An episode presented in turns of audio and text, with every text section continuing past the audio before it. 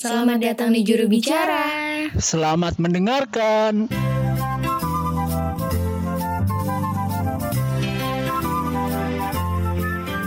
Halo teman bicara, ketemu lagi nih sama kita bertiga. Ada aku Biru Aku Nabil. Dan aku Bia. Yeay, ketemu sama kita bertiga lagi. Gimana kabarnya semua teman bicara? Semoga baik-baik aja ya, karena sekarang sehat tuh ya jadi sesuatu yang banyak orang uh, baru tahu gitu loh. Kalau sehat tuh penting, berharga gitu. Tuh. Nah, Benar banget. di episode kali ini nih kita bakal ngupas tuntas nih soal hubungan asmara dan yang lagi rame-ramenya yang kemarin itu loh, yang Apa perselingkuhan. tuh? Ah, Ini pasti nih. Asik nih. Biru nih semangat banget nih bahasnya nih. Iya, Kelihatannya sih semangat banget.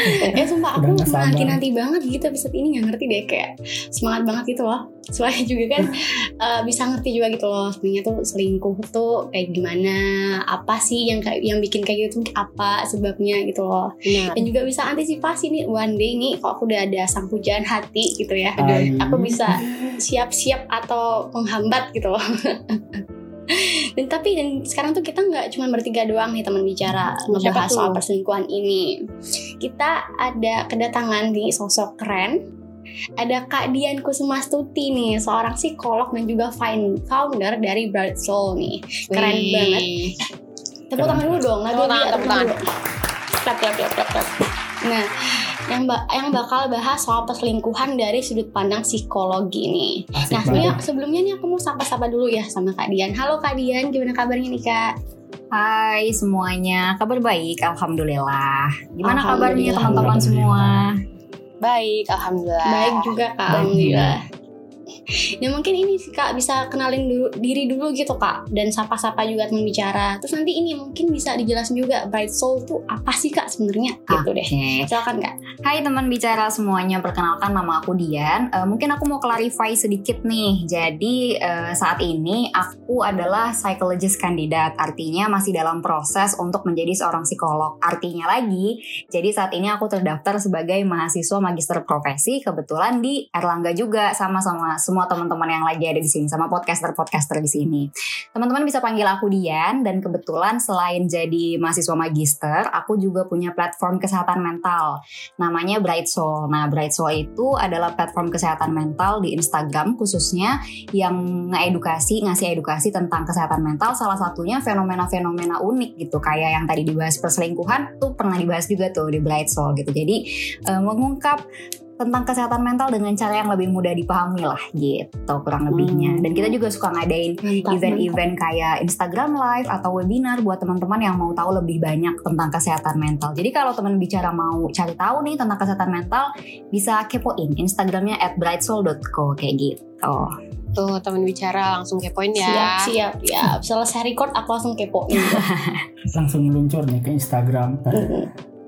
Da, aduh aku ngedenger tadi Kak Dian ngomong gitu aku jadi excited banget nih sama bahasan kali ini makin gak sabar untuk ngebahasnya dan kelihatan juga nih Biru sama Bia kayaknya sangat tertarik banget nih udah gak sabar untuk langsung Parah, masuk ke Bil. topiknya Parah. parah kan aku nggak sabar sih. Aku nggak sabar banget. soalnya ini kan emang relate banget gitu apalagi di Indonesia wah udah sangat umum sekali dan karena udah nggak sabar banget kita langsung aja nih langsung masuk ke topiknya. Jadi pada kali ini kita bakal ngebahas tentang perselingkuhan seputar perselingkuhan. Tapi sebelumnya mungkin kita eh, harus tahu dulu gitu perselingkuhan itu apa dan gimana dan mungkin batasan-batasan dari perselingkuhan itu bagaimana gitu. Mungkin dari kalian boleh dijelasin dulu gitu apa sih perselingkuhan gitu Oke, kalau kita bahas tentang perselingkuhan, kalau eh, definisi gitu ya tadi yang ditanyain, sebenarnya kita bisa lihat dari dua sudut pandang loh, dari sudut pandang objektif dan Hmm. sudut pandang subjektifnya.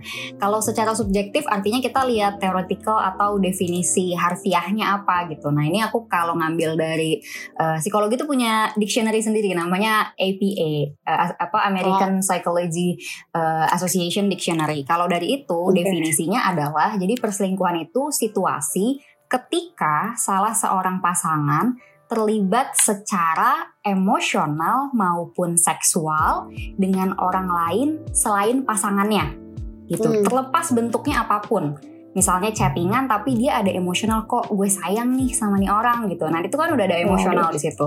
Yaitu Bener-bener. kalau secara objektif udah bisa disebut sebagai sebuah perselingkuhan sebenarnya. Tapi kita juga bisa lihat secara subjektif. Artinya apa? Setiap orang tuh kan punya definisi yang berbeda-beda gitu ya. Kadang tentang perselingkuhan. Kayak bagi gue cowok gue tuh misalnya nih kasus ekstrimnya. Bagi gue cowok gue nggak selingkuh selama dia nggak tidur gitu sama cewek lain gitu ya kasus ekstrimnya. Hmm. Tapi mungkin buat pasangan lain ada yang bilang, ah buat gue kalau dia udah chatting-chatting, flirting-flirting ya itu namanya udah selingkuh gitu. Jadi kalau secara subjektif sih menurut aku sah-sah aja gitu. Orang tuh mau mendefinisikan perselingkuhan di dalam hubungannya seperti apa. Tapi kalau mau dilihat secara objektif, ya itu tadi situasi ketika ada keterlibatan emosional atau seksual di dalamnya dengan orang selain pasangannya kayak gitu. Hmm. Gitu bir. Oh oke. Terus kak kalau Kaget tiba-tiba disinggung. terus kalau kalau apa ya penyebab penyebab seseorang tuh bisa selingkuh tuh apa sih kak kira-kira? Nah, uniknya psikologi nih, psikologi kan belajar tentang manusia ya. Jadi penelitiannya tuh juga unik-unik. Termasuk ada orang yang meneliti tentang apa sih penyebab perselingkuhan tuh sampai diteliti gitu. Mungkin karena banyak juga Wow. kasus perselingkuhan. Nih aku Saking banyaknya. Betul. Betul. Nih aku ngutip dari salah satu penelitian di tahun 2019, dia bilang tuh ada 8 faktor yang nyebabin orang Oh. itu bisa selingkuh dan ini macam-macam kayak misalnya eh, jatuh cinta. Ya udah, falling out of love aja gitu, jatuh cinta Iya. atau dia mencari eh, varietas, kemudian dia merasa diabaikan, kemudian terjebak secara situasi misalnya maaf kayak mabuk kayak gitu atau untuk mendorong eh, apa self esteem dia, kemudian lagi marah sesaat sama pasangannya, kemudian merasa tidak punya komitmen atau yang terakhir ya karena dorongan seksual biologisnya manusia yang dia nggak bisa kontrol. Nah tapi dari delapan faktor ini dia bilang ada tiga faktor yang paling eh, sering gitu, yang paling sering muncul. Yang pertama adalah si jatuh cinta. Uniknya paling besar orang selingkuh karena jatuh cinta, sesimpel itu gitu. Karena memang jatuh cinta itu kan menjadi sebuah perasaan yang ya kita nggak bisa lawan gitu loh. Memang Iya betul. Jatuh Iya, cinta itu benar. terjadi secara natural. Tinggal pertanyaannya kita bisa mengolah rasa jatuh cintanya atau enggak. That's why balik lagi kalau di secara teori di psikologi yang namanya romantic love tuh cinta aja nggak cukup gitu. Di dalamnya tuh ada komitmen, kemudian ada passion dan ada intimacy gitu. Artinya jatuh cinta aja tuh nggak cukup, harus dijaga dengan komitmen. Makanya orang-orang yang yang nggak bisa ngejaga komitmennya ketika jatuh cinta dia nggak bisa kontrol jadi dia selingkuh gitu habis itu yang kedua juga dari tiga yang paling besar adalah mencari variasi karena dia bosen gitu dan yang ketiga adalah Aduh. merasa diabaikan uniknya untuk Waduh. alasan yang kedua yang bosen itu lebih banyak dirasakan oleh eh, laki-laki sementara yang merasa diabaikan itu lebih sering dirasakan oleh perempuan gitu jadi lebih banyak laki-laki yang selingkuh alasannya karena bosan, sementara perempuan lebih banyak yang selingkuh karena alasannya merasa diabaikan. Dari situ kita bisa lihat Hmm. ini sebenarnya hanya komunikasi aja yang nggak ketemu gitu kan. Jadi ya Iya ya. faktornya bisa dibilang juga Iya. komunikasi gitu loh. Kalau bosan harusnya kan bisa dikomunikasikan. Kalau ngerasa diabaikan juga dikomunikasikan gitu. Tapi kalau kita bicara faktor-faktor sih itu tadi ada ada banyak sekali faktor orang berselingkuh gitu. Oh, Oke gitu ya. Nah Nabil kamu jangan gampang bosen ya Bil. Kalau kamu bosen nanti Bil komunikasi dulu gitu. Jangan langsung lirik sana sini ya Bil. Betul. Biru juga ya. Jangan lupa kamu juga ya. Aku siap. Kalau misalnya butuh perhatian gitu, bilang aja, nggak usah aku malu-malu, nggak bakal bilang kok. Aku nggak malu-malu anaknya. Aku ngapain sih guys di sini? Terus gini sih kak, eh, kan udah tahu tuh faktor-faktornya apa. Terus apa sih kak yang bisa dilakuin gitu supaya perselingkuhan tuh nggak nggak terjadi di satu hubungan gitu. Dicegahnya tuh gimana gitu kak? Oke, aku mau ngenalin satu konsep sedikit dulu nih tentang manusia dari perspektif psikologi balik lagi. Karena kalau aku ngasih perspektif-perspektif biasa aja kan jadi nggak seru nih bahasan kita. Karena aku datang dari latar belakang psikologi, aku banyak kasih perspektif psikologi ke teman-teman di sini. Jadi kalau Untuk kita bicara tentang eh, manusia itu sendiri gitu ya di psikologi itu ada yang bilang manusia akan bisa berfungsi secara optimal ketika ada uh, congruence antara ideal self dia sama real self gitu. Jadi bagaimana si manusia itu bisa ngesinkronin antara pandangan dia manusia yang ideal tuh seperti apa sih sama real self dia tuh seperti apa. Kalau dia punya gambaran ideal yang ketinggian dalam tanda kutip tapi real self dia nggak bisa uh, sinkronin itu, dia nggak akan bisa berfungsi secara optimal gitu. Jadi itu harus sinkron. Nah ternyata ini juga sama di dalam hubungan tuh juga kayak gitu. Salah satu yang bisa di uh, yang bisa untuk mencegah perselingkuhan adalah kita harus sinkron nih antara gambaran kita tentang hubungan yang ideal tuh seperti apa sih, tentang pasangan yang ideal tuh seperti apa sih, tentang misalnya pernikahan tuh seperti apa sih, dan kita harus nyeimbangin realitasnya cowok-cowok yang kita temuin kayak gimana sih, cewek-cewek yang kita temuin kayak gimana sih gitu. Nah itu harus disinkronin gitu, jangan sampai terlalu berjauhan antara konsep idealnya sama realitasnya seperti apa kayak gitu. Terus habis itu bisa juga dengan kita ngebangun emotional bond sama pasangan kita. Jadi intimacy itu harus dibangun sama pasangan karena kalau kita dapetin afeksi yang cukup, kita dapet uh, apa perhatian yang cukup, harapannya kita nggak perlu lagi tuh cari dari orang orang-orang di luar pasangan kita gitu. Karena udah attach sama pasangan kita udah secure udah emotional bond sama pasangan kita gitu. Habis itu juga uh, yang gak kalah penting adalah mungkin beberapa teman-teman di sini udah uh, familiar ya sama istilah coping gitu. Coping adalah bagaimana cara kita menghadapi masalah. Nah, kita kan sebagai manusia tuh harus tahu coping kita tuh gimana sih kalau kita ada masalah, apakah kita nangis, apakah kita ngegambar, masak dan lain sebagainya. Tapi yang gak kalah penting tuh ada juga couple coping. Jadi bagaimana kita sebagai pasangan cewek cowok itu tuh menentukan cara kita menyelesaikan masalah gitu. Jadi itu harus disepakatin sama pacar kita kalau kita lagi marah, baiknya itu kita gimana ya yang kita sepakati? Apakah sama-sama diam? Apakah sama-sama ambil jarak? Apakah tipe yang gue mau hari ini ada masalah hari ini diselesain. Sebelum ganti hari hmm. harus selesai itu masalah. Itu kan beda-beda ya masing-masing pasangan. Nah itu juga harus disepakatin sama eh, pasangan kita gitu. Nah kemudian kalau kita bicara um, untuk mencegah perselingkuhan tentunya kita bicara tentang value monogami di sini gitu. Jadi teman-teman yang mau mencegah perselingkuhan ya harus punya pasangan yang juga menganut uh, value monogami gitu. Jadi yang meyakini bahwa namanya pasangan tuh satu gitu. Sama yang terakhir kalau dari uh, penelitian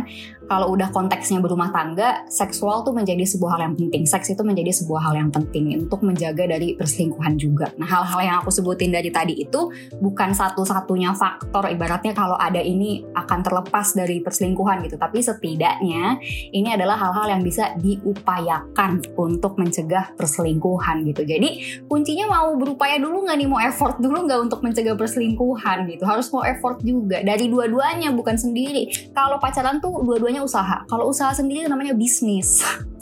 Waduh benar. Dua-duanya emang kalau sendiri juga egois banget gitu ya berjuang betul, sendiri gitu.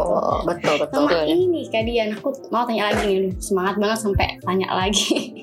sebenarnya apa-apa banyak-banyak nanya. Penasaran ini dari dulu banget gitu. Sebenarnya mm -hmm. selingkuh itu itu siapa yang salah sih kak? Karena gini banyak kan orang yang berdebat gitu. Ini salah siapa salah siapa? Kayak contohnya nih ya cewek cowok gitu uh, pacaran gitu. Terus yang cowok nih yang selingkuh. Nah kadang yang uh, yang cowok nih nyalahin si ceweknya dia gitu kayak ya karena yang aku mau nggak ada di kamu gitu. Kan yang diselingkuhan aku ini ada kayak gitu kan kadang. Jadi yang salah yang pacar yang cewek. Sekarang juga tuh uh, ada yang uh, si selingkuhannya nih nyalahin si cowok ini juga gitu kayak ya kenapa cowok lo mau kayak gitu kan atau enggak malah nyalain yang cewek ya karena lo nggak bisa ngasih apa yang dia mau kayak gitu hmm. atau justru juga ya pokoknya salah saling salah salah gitu loh kak jadi aku tuh sebenarnya bingung gitu sebenarnya hmm. salah siapa di sini sampai bisa terjadi selingkuh gitu kak oke okay.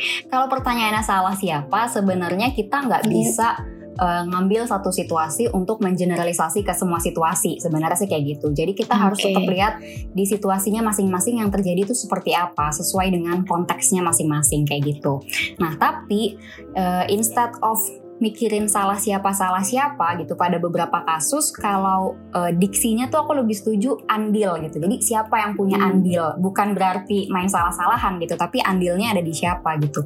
Misalnya okay. pada kasus-kasus yang kayak boseng atau kasus-kasus yang merasa diabaikan. Nah menurut aku itu kedua belah pasangan itu sama-sama punya andil gitu loh. Either karena yang satunya nggak ngasih perhatian cukup tapi bisa juga karena si pasangannya nggak ngomong gitu. Misalnya aduh gue tuh pengennya kalau gue lagi sakit lo samperin dong ke kosan gue nah itu dia nggak ngomong tuh misalnya. Hmm. dia cuman berharap berharap berharap yang tidak dikomunikasikan gitu. Akhirnya pasar, pacarnya selingkuh. Bukan membela yang selingkuh tapi artinya kedua-duanya sebenarnya ada andilnya gitu. Balik lagi masalahnya di komunikasi sebenarnya. Komunikasi. Selama hal itu dikomunikasikan, harusnya sih nggak jadi hal-hal yang kita nggak inginkan gitu. That's why kalau menurut aku tetap andilnya tuh ada gitu di kedua-duanya. Kecuali pada kasus-kasus eh, ekstrim misalnya karena trait atau kepribadian gitu. Ada orang-orang dengan gangguan kepribadian yang dia punya corak-corak tertentu yang udah sulit diubah, misalnya kebiasaan berbohong gitu.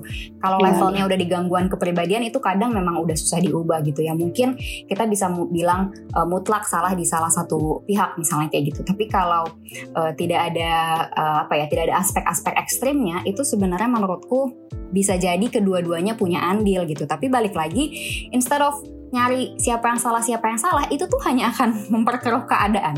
Kenapa aku bisa bilang seperti ini karena I've been there gitu loh. itu tuh hanya akan Waduh. memperkeruh keadaan gitu. Jadi better text time kemudian ya udah duduk bareng dan saling saling punya kesadaran untuk mengevaluasi kayak gitu. Komunikasinya yang penting untuk dibangun kayak gitu. Wah, Penting. ah, yang penting Waduh. itu komunikasi.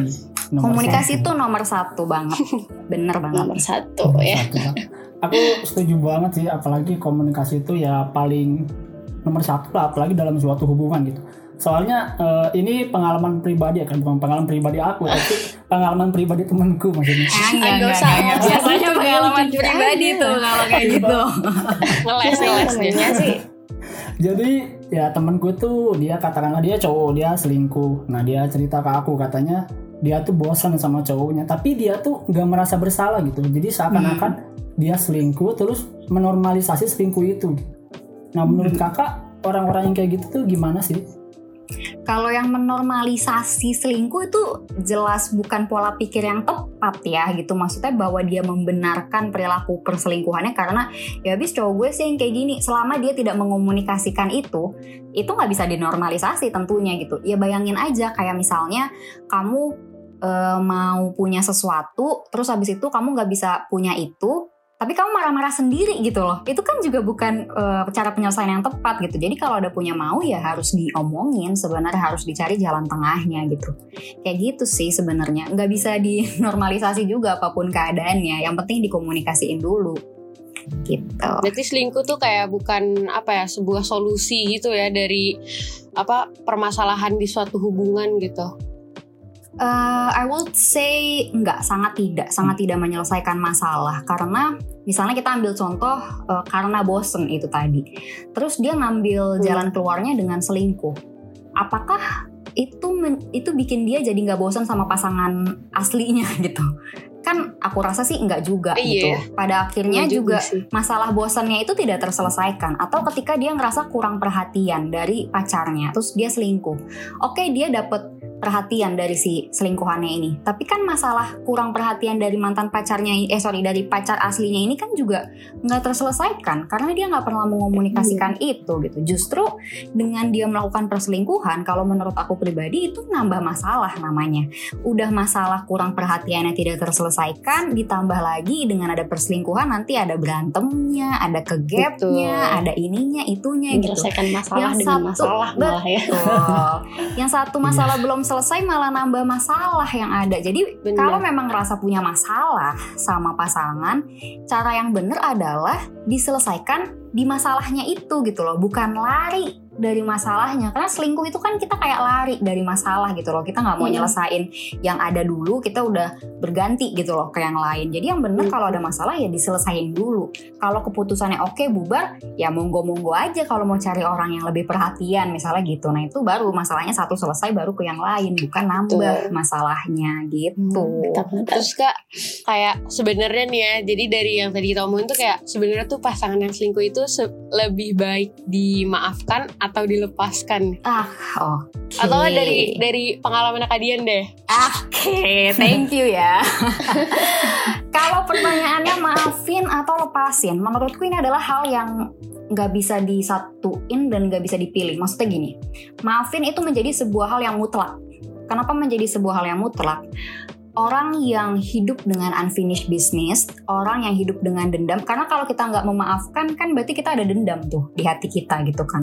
Orang yang nggak bisa memaafkan, orang yang punya dendam itu hidupnya one day pasti akan ada trouble, one day pasti akan ada issues di situ yang tidak terselesaikan. Jadi maafin itu menurut aku mutlak gitu, harus dilakukan memaafkan. Untuk demi kebaikan kita di kemudian hari gitu. Aku di sini nggak bicara tentang durasi gitu. Maafin tuh boleh boleh besok kalau bisa maafin, kalau nggak bisa boleh minggu depan, kalau nggak boleh bulan depan, kalau nggak boleh tahun depan gitu. Itu tuh monggo aja, silahkan berproses dengan kemampuannya masing-masing. Tapi harus yakin ujungnya adalah menuju kita bisa memaafkan si orang yang berselingkuh itu.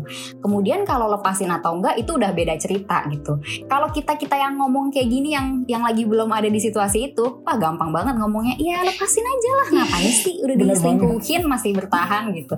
Tapi balik lagi karena I've been there aku tahu banget kalau kita lagi ada di posisi itu nggak semudah itu buat ngambil keputusan kan dia udah selingkuhin gue gue harus langsung cabut gitu aja gitu. Nggak nggak semudah itu juga gitu loh untuk ngambil keputusan. Pasti ada berat misalnya inget memori-memori belum lagi yang Aduh. misalnya satu sekolah dan satu kelas pasti berat gitu. Jadi untuk maafinnya mutlak tapi untuk ngelepasinnya itu eh, beda cerita sih menurutku. Silahkan berproses masing-masing mendewasakan diri masing-masing dan ambil keputusan masing-masing. Apalagi kalau kita bicara konteksnya rumah tangga gitu katakanlah ya. Ya mungkin di sini meskipun mahasiswa ada yang udah berumah tangga gitu kan barangkali. Iya. pasti kan pertimbangannya juga lebih banyak gitu. Ada faktor anak misalnya ada faktor finansial dan lain sebagainya gitu tapi Iya. balik lagi kalau maafinnya sih mutlak menurutku Ja- kita jangan hidup dengan unfinished business karena itu akan sangat berbahaya buat kita gitu Betul.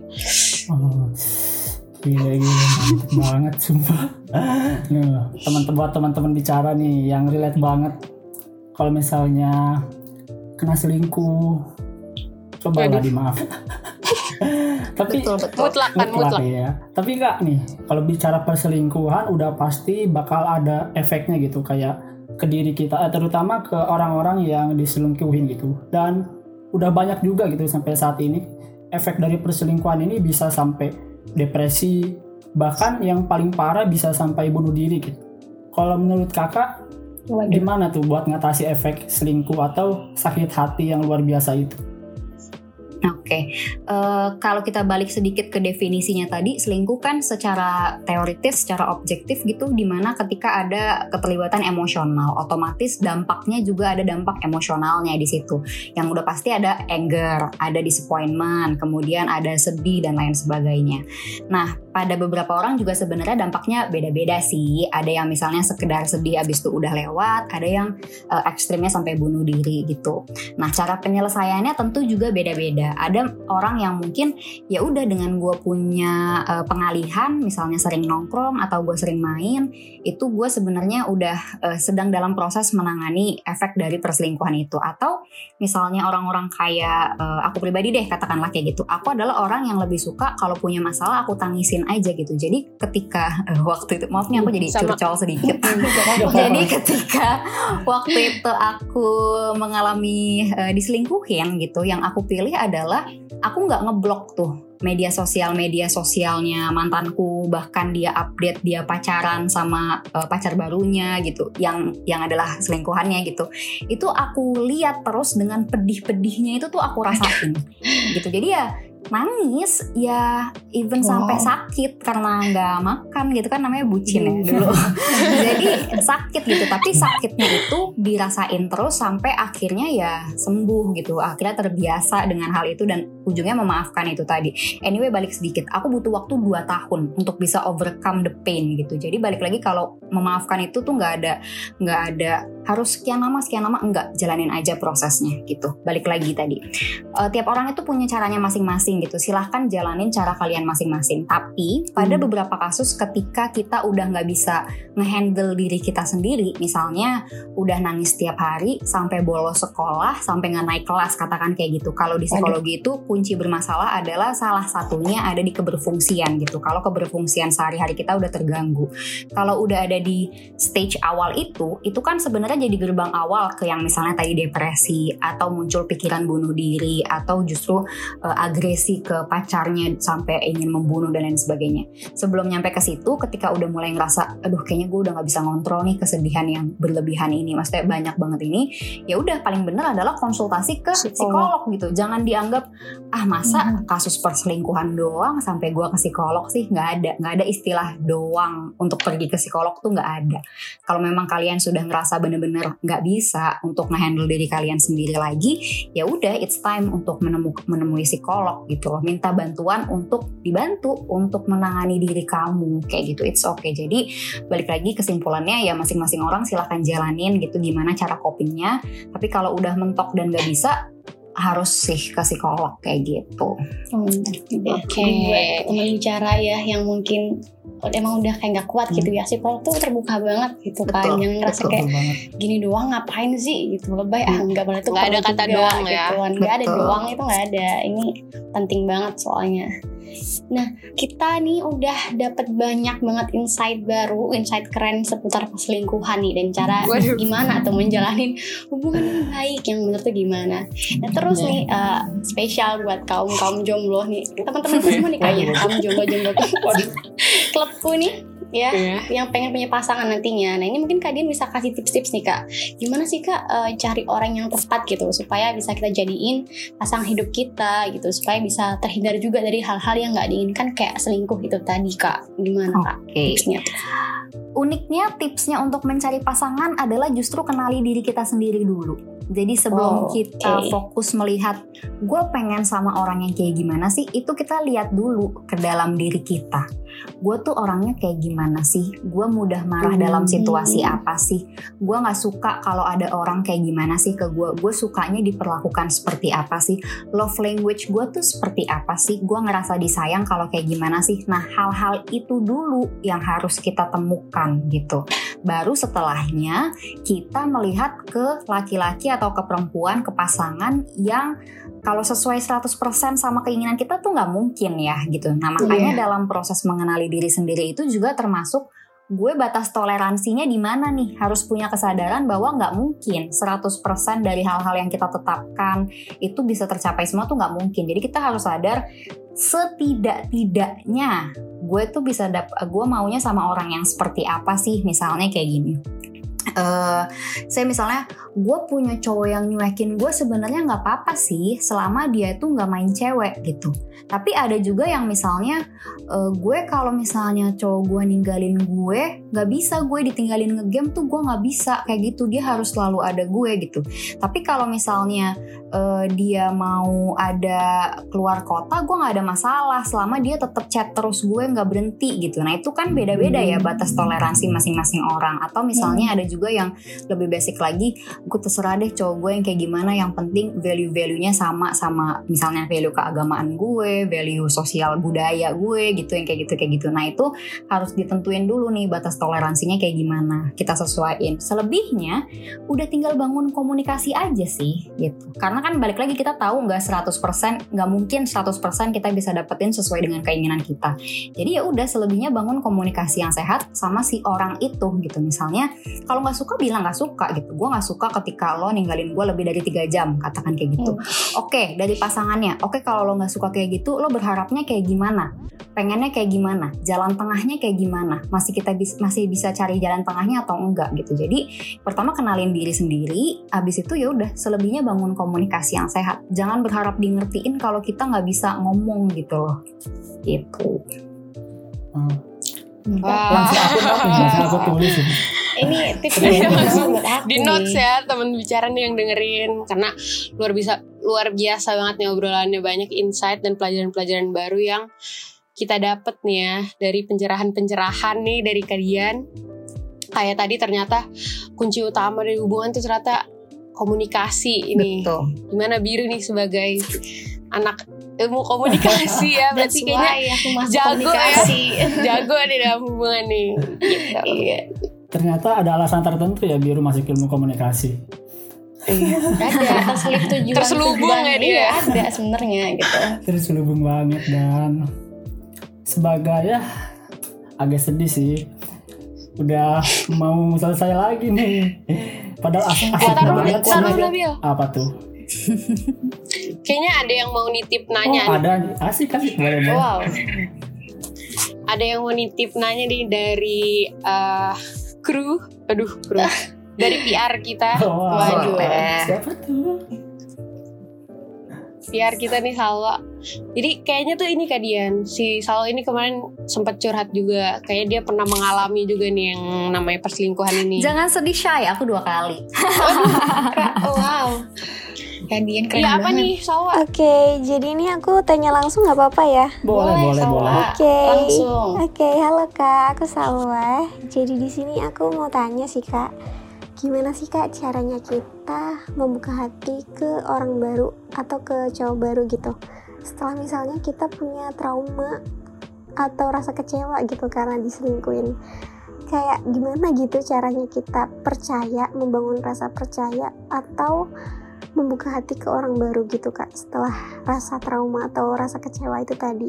Gitu aja sih kak. Aduh. makasih Oke, eh, kalau ini aku jawabnya sih dari pengalaman pribadi ya. Boleh. Kalau aku Mantap. sendiri, eh, tadi aku udah ngasih eh, apa kayak bocoran dikit gitu. So aku pernah diselingkuhin dua kali, itu dengan orang yang berbeda gitu. Jadi aku diselingkuhin, punya pacar baru, abis itu diselingkuhin lagi. Untuk bisa bangkit dari hal itu nggak mudah dan tidak sebentar gitu. Tadi aku udah bilang aku butuh waktu 2 tahun sampai benar-benar oke gue eh, udah heal nih gitu. Nah selama 2 tahun itu yang dilakukan adalah balik lagi mengenali diri sendiri gitu. Sebenarnya gue sukanya apa sih? Gak sukanya apa sih? Apa sih yang bikin gue sesakit hati itu? Nah itu tuh harus ditemukan tuh jawabannya. Barangkali kita punya issues-issues tertentu gitu loh tentang perselingkuhan yang bikin kita sesakit hati itu waktu kita diselingkuhin gitu. Nah ketika kita sudah benar-benar uh, mengenal diri kita sendiri, yang mungkin aku bisa share adalah punya pas punya pacar baru, kita harus balik lagi komunikasi gitu. Komunikasinya seterbuka mungkin. Ceritain, aku dulu pernah diselingkuhin, itu membuat aku sedih karena ABCD. Aku punya issues, aku takut banget ketika misalnya nanti kamu selingkuh lagi. Untuk mencegah ini, apa yang bisa kamu tawarkan ya gitu. Nah itu juga effortnya harus dari dua-duanya gitu. Ketika awal-awal aku baru membangun hubungan gitu, aku tuh sumbu pendek banget. Misalnya ngelihat uh, ada komen dari cewek, ada DM dari cewek yang biasa aja sebenarnya itu tuh bisa kepancing gitu kan. Yang mana itu sebenarnya hal yang wajar karena ya masih awal-awal ketemu orang baru gitu. Tapi seiring dengan berjalannya waktu ya harus menyadari bahwa kita sama orang yang berbeda gitu. Kalau kita nggak bisa ngasih kepercayaan, ya buat apa ini dijalanin gitu? Buat apa dijalanin uh, dengan membawa isu-isu yang lama gitu? Maka hubungannya tidak akan works gitu. Nah tapi ya usahanya harus dari dua-duanya gitu. Kalau tadi pertanyaannya gimana ngebuka hati lagi, ya pertama kenalin diri sendiri dulu dan ketika hubungannya sudah berjalan itu usahanya harus dari dua-duanya. Dari yang punya pengalaman diselingkuhin harus bisa effort percaya.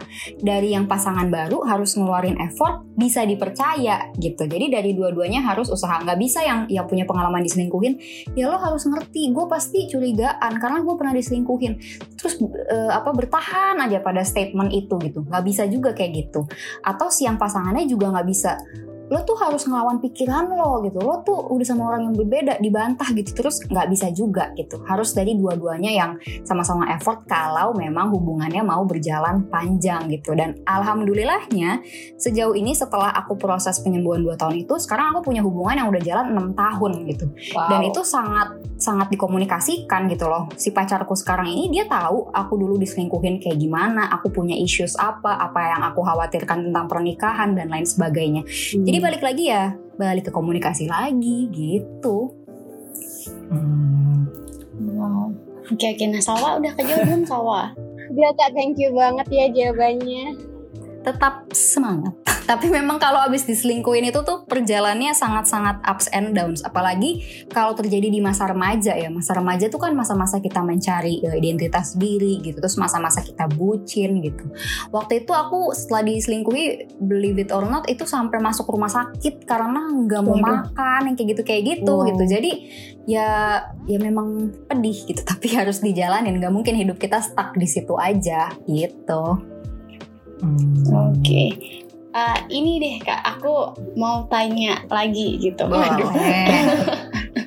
Jadi gini aku penasaran gitu loh. Di- Jadi dura- durasi suatu hubungan tuh pengaruh gitu nggak sih kak buat selingkuh? Kayak misalkan eh, pasangan yang baru aja pacaran nih sebulan gitu, itu lebih gampang selingkuh. Ada yang selingkuh atau justru yang pasangan yang lama bertahun-tahun gitu. Yang rawan tuh justru yang mana atau nggak pengaruh durasi itu kak?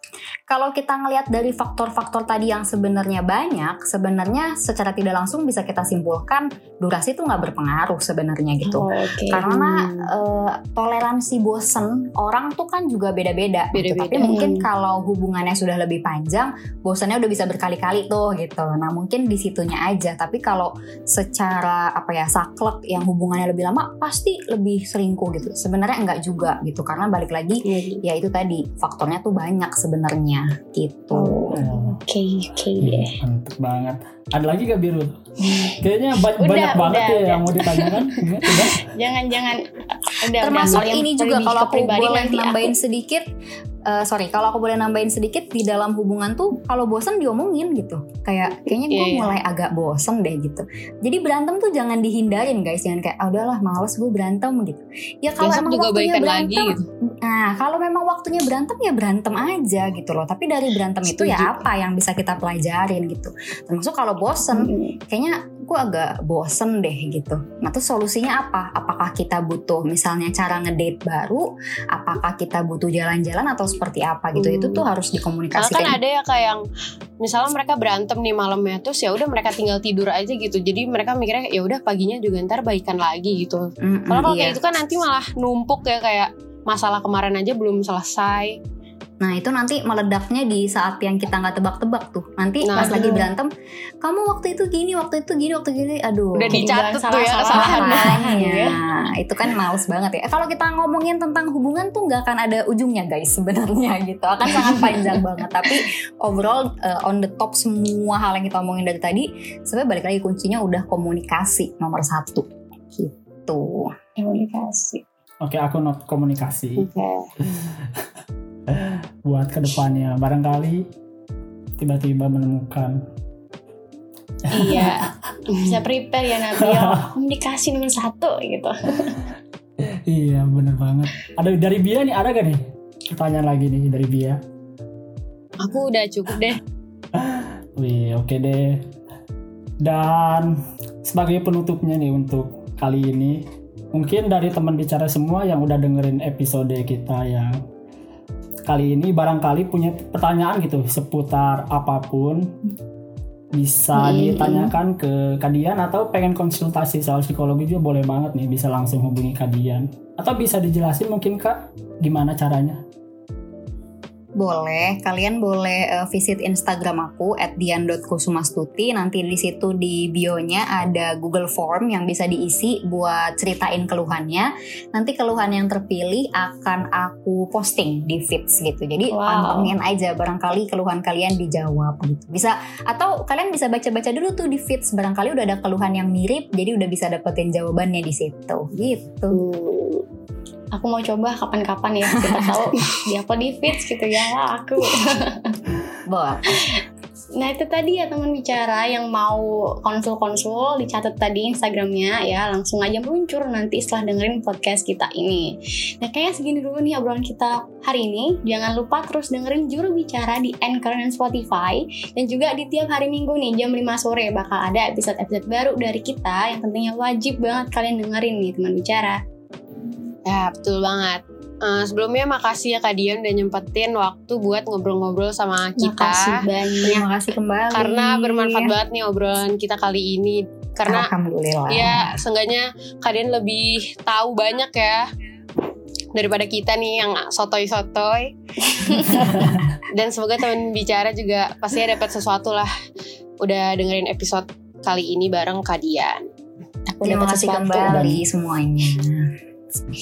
Dan biasanya nih kak kalau misalnya di episode-episode kita sebelumnya jadi sebelum penut eh, sebelum di akhir itu bakal ada pertunjukan pertunjukan. Jadi au. dari aku udah. Sirkus. dari biru udah.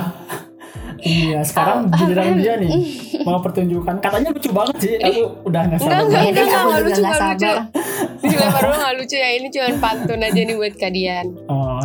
Tolong nanti di tengah-tengah Jawab cakep ya Sama di akhirnya siap, Tolong tepuk tangan Thanks kaki ya aku juga.